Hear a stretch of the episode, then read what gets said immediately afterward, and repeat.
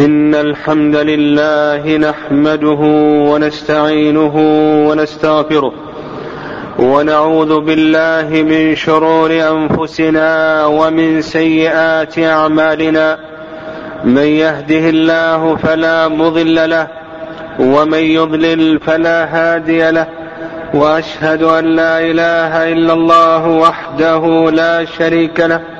وأشهد أن محمدا عبده ورسوله صلى الله عليه وعلى آله وأصحابه ومن تبعهم بإحسان إلى يوم الدين. يا أيها الذين آمنوا اتقوا الله حق تقاته ولا تموتن إلا وأنتم مسلمون. عباد الله ها نحن في الثلث الأخير من هذا الشهر المبارك في العشر الأخيرة منه في أفضل لياليه. بل هذه الليالي التي نعيشها هي أفضل ليالي الدنيا قال شيخ الإسلام ابن تيمية رحمه الله تعالى. ليالي العشر, ليالي العشر الأخير من شهر رمضان. أفضل من ليالي العشر الأول من شهر ذي الحجة. وأيام العشر الأول من شهر ذي الحجة. أفضل من أيام العشر الأخير في شهر رمضان. وقد جاءت الأحاديث الكثيرة في فضل هذه العشر. أقسم الله وقد جاءت الأحاديث الكثيرة في فضل هذه العشر ففي صحيح مسلم من حديث عائشة رضي الله عنها أن النبي صلى الله عليه وسلم كان يجتهد في العشر الأواخر ما لا يجتهد في غيره.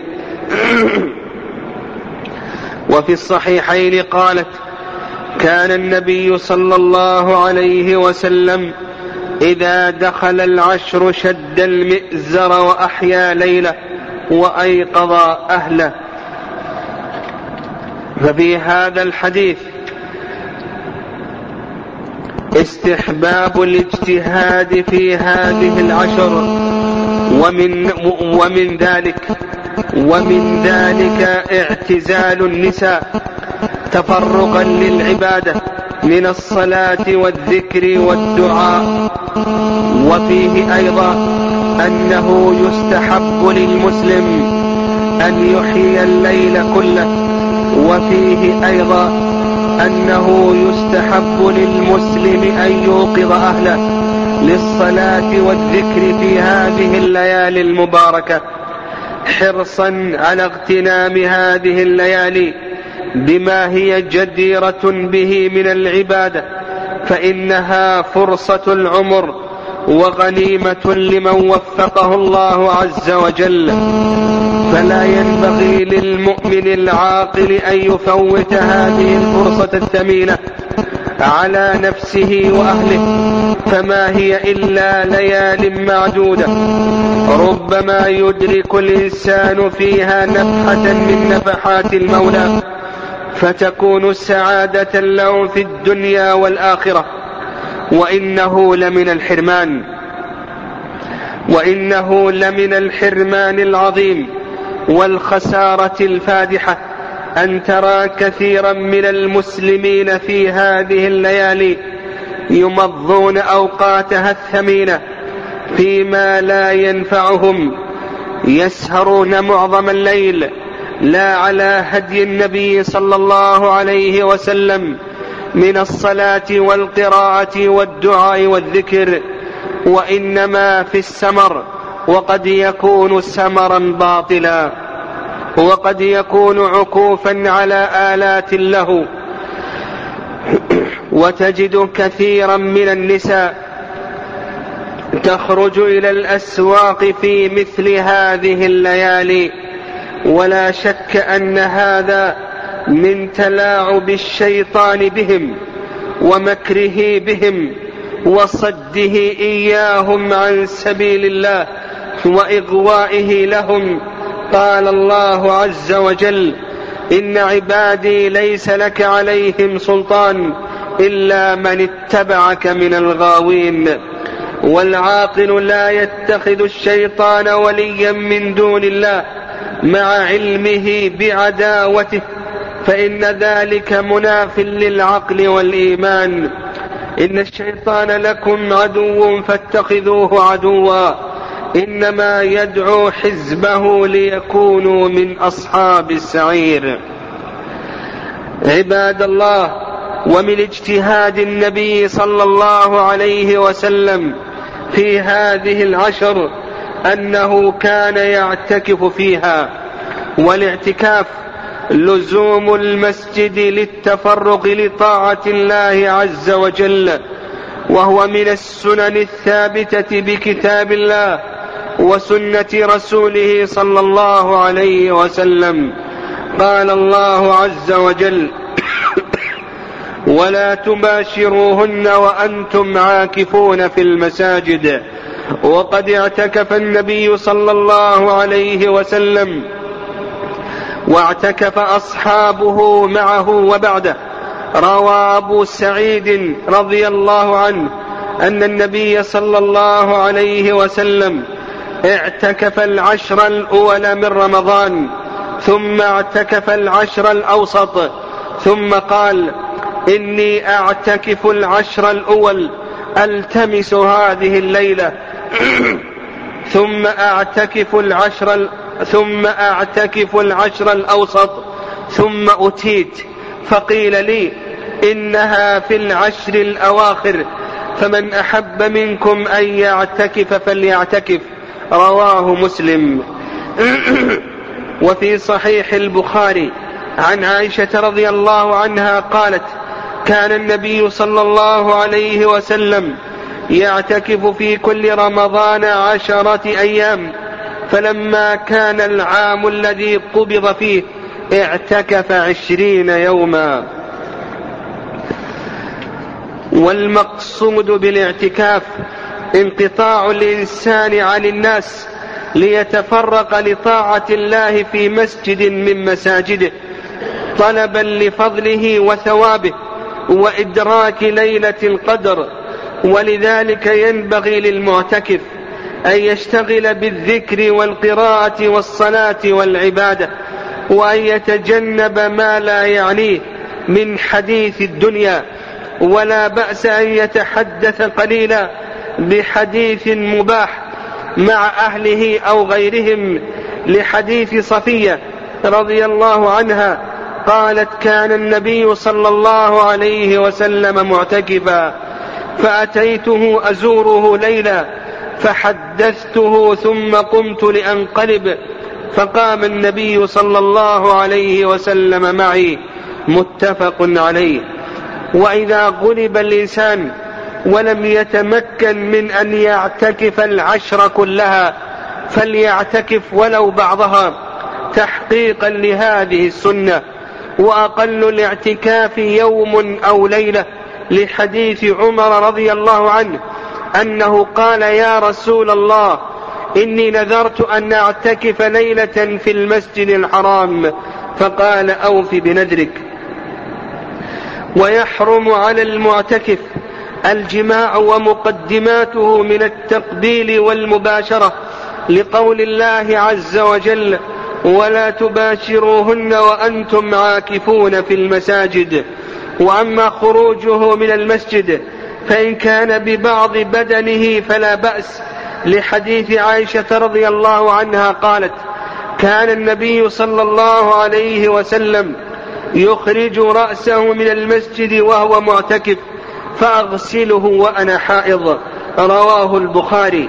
وفي رواية كانت ترجل رأس النبي صلى الله عليه وسلم وهي حائض وهو معتكف في المسجد وهي في حجرتها يناولها رأسه. وإن خرج بجميع بدنه من المسجد فله ثلاث حالات. الحالة الأولى الخروج لأمر لا بد منه طبعا أو شرعا كقضاء حاجة كقضاء حاجة بول أو غائط أو وضوء أو غسل واجب. أو غيرها. وكذلك لأجل الأكل والشرب فهذا جائز إذا لم يمكن فعله في المسجد. فإن أمكن فعله في المسجد فلا. الثاني الخروج لأمر الخروج لأمر طاعة لا تجب. لا تجب عليه كعيادة مريض وشهود جنازة ونحو ذلك فلا يفعله. إلا أن يشترطه في في ابتداء اعتكافه فإن اشترط فله ذلك وإلا فليس له أن يخرج. الثالث الخروج لأمر ينافي الاعتكاف كالخروج للبيع والشراء وجماع أهله ومباشرتهم ونحو ذلك. فهذا ليس للمعتكف أن يفعله لا بشرط ولا بغير شرط. لأنه ينافي الاعتكاف وينافي المقصود منه. عباد الله في هذه الليالي المباركة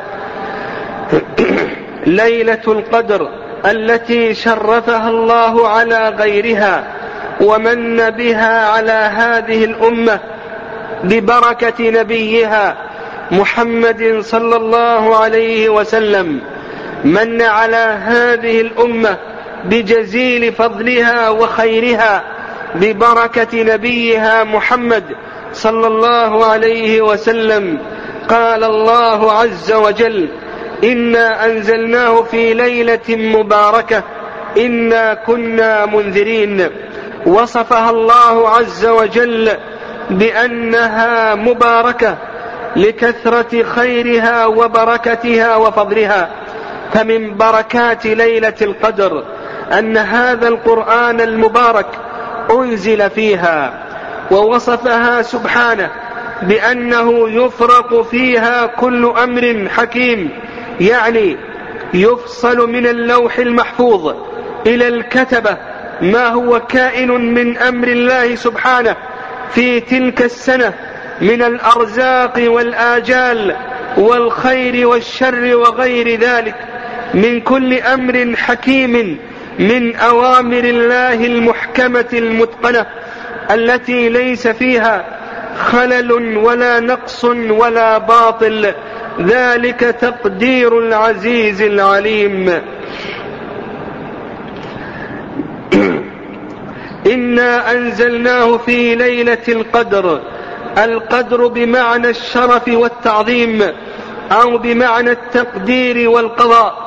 لأن ليلة القدر شريفة عظيمة يقدر فيها ما يكون في السنة ويقضيه الله من أموره الحكيمة. ليلة القدر خير من ألف شهر يعني في الفضل والشرف وكثرة الثواب والأجر. ولذلك كان من قامها إيمانا واحتسابا غفر له ما تقدم من ذنبه. تنزل الملائكة والروح فيها. الملائكة عباد من عباد الله قائمون بعبادته ليلا ونهارا لا يستكبرون عن عبادته ولا يستحسرون. يسبحون الليل والنهار لا يفترون. يتنزلون في ليلة القدر إلى الأرض بالخير والبركة والبركة والرحمة. والروح هو جبريل عليه السلام خصه الله بالذكر لشرفه وفضله. سلام هي يعني أن ليلة القدر سلام للمؤمنين من كل مخوف لكثرة من يعتق فيها من النار ويسلم من عذاب الله حتى مطلع الفجر. يعني أن ليلة القدر تنتهي بطلوع الفجر لانتهاء عمل الليل. اللهم وفقنا. اللهم وفقنا لقيام ليلة القدر إيمانا واحتسابا. اللهم أعنا على ذلك. اللهم أعنا على الصيام والقيام. اللهم تقبل منا إنك أنت السميع العليم. وتب علينا إنك أنت التواب الرحيم. الحمد لله رب العالمين. الرحمن الرحيم. مالك يوم الدين. والعاقبة للمتقين. اللهم صل وسلم وبارك على نبينا محمد. عباد الله ومن فضائل ليلة القدر ما ثبت في الصحيحين من حديث أبي هريرة رضي الله تعالى عنه.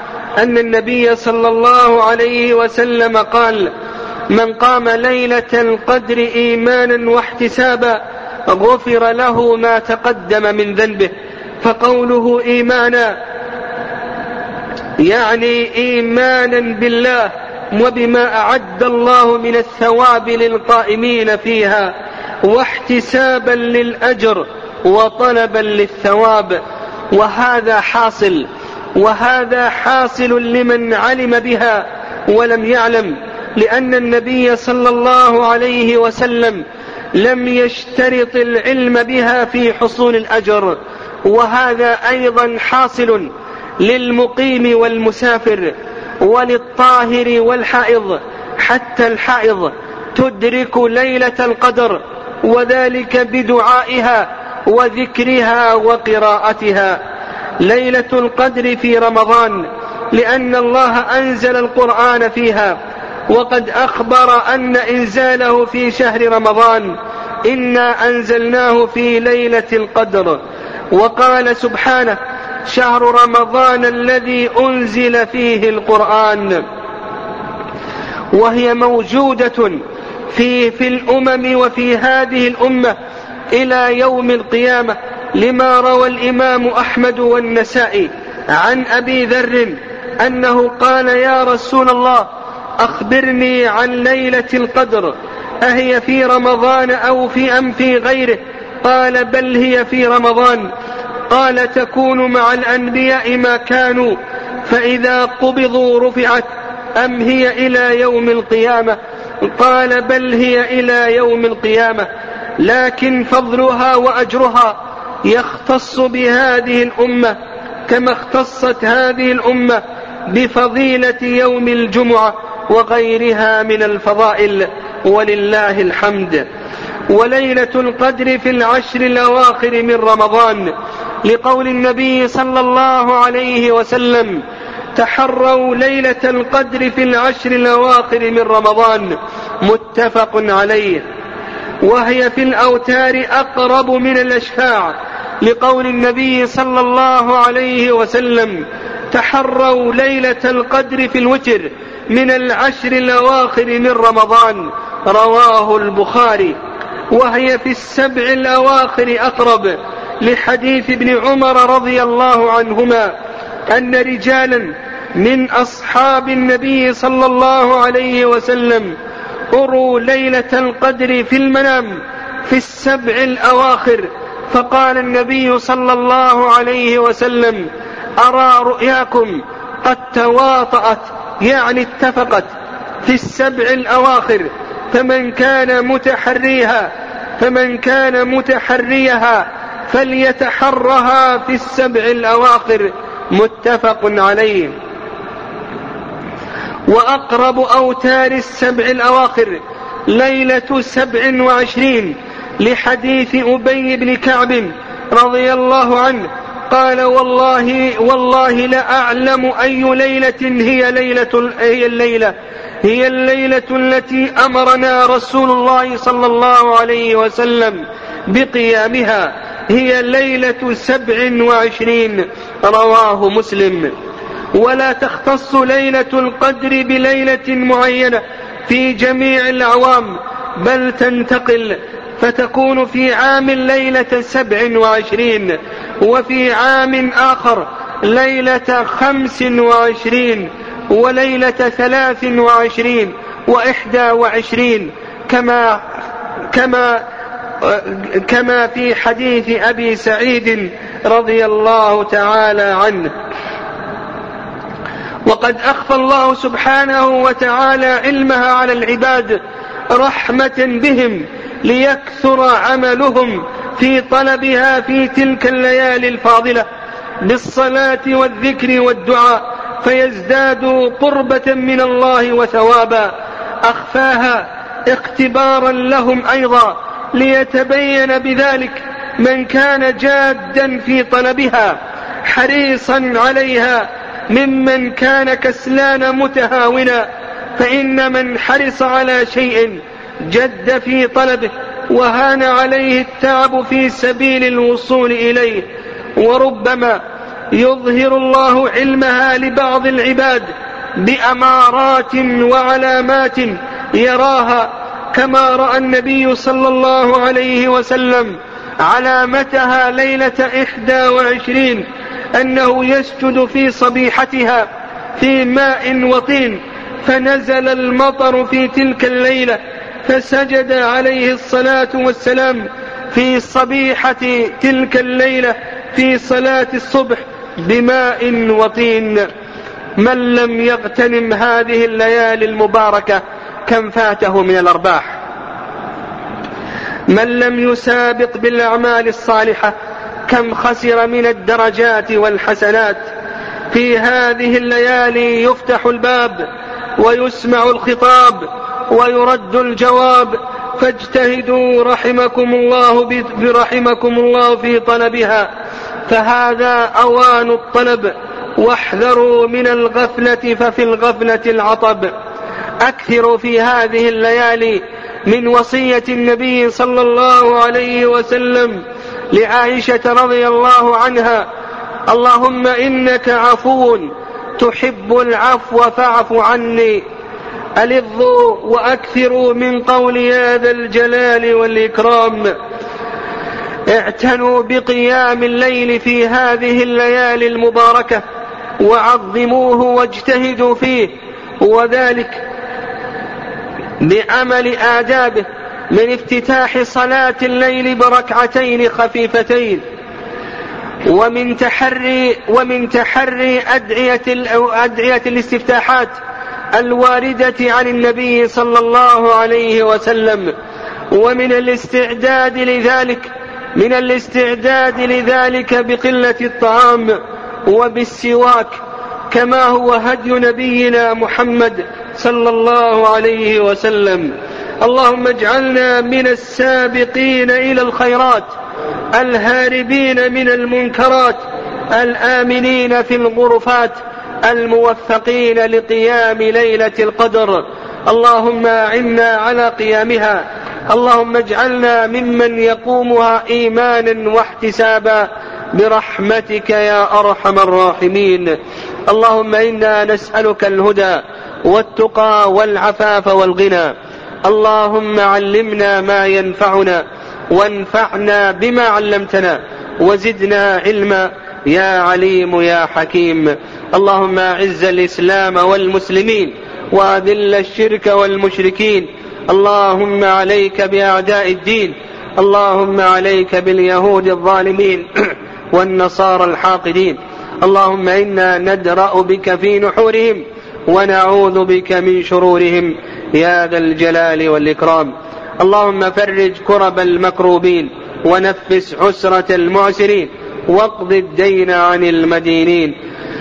اللهم فك أسر المأسورين. اللهم ردهم إلى بلادهم سالمين غانمين. برحمتك يا أرحم الراحمين. ربنا آتنا في الدنيا حسنة وفي الآخرة حسنة وقنا عذاب النار. اللهم آمنا في أوطاننا وأصلح أئمتنا وولاة أمورنا. اللهم اجعلهم محكمين لكتابك وسنة رسولك محمد صلى الله عليه وسلم. اللهم صل على محمد.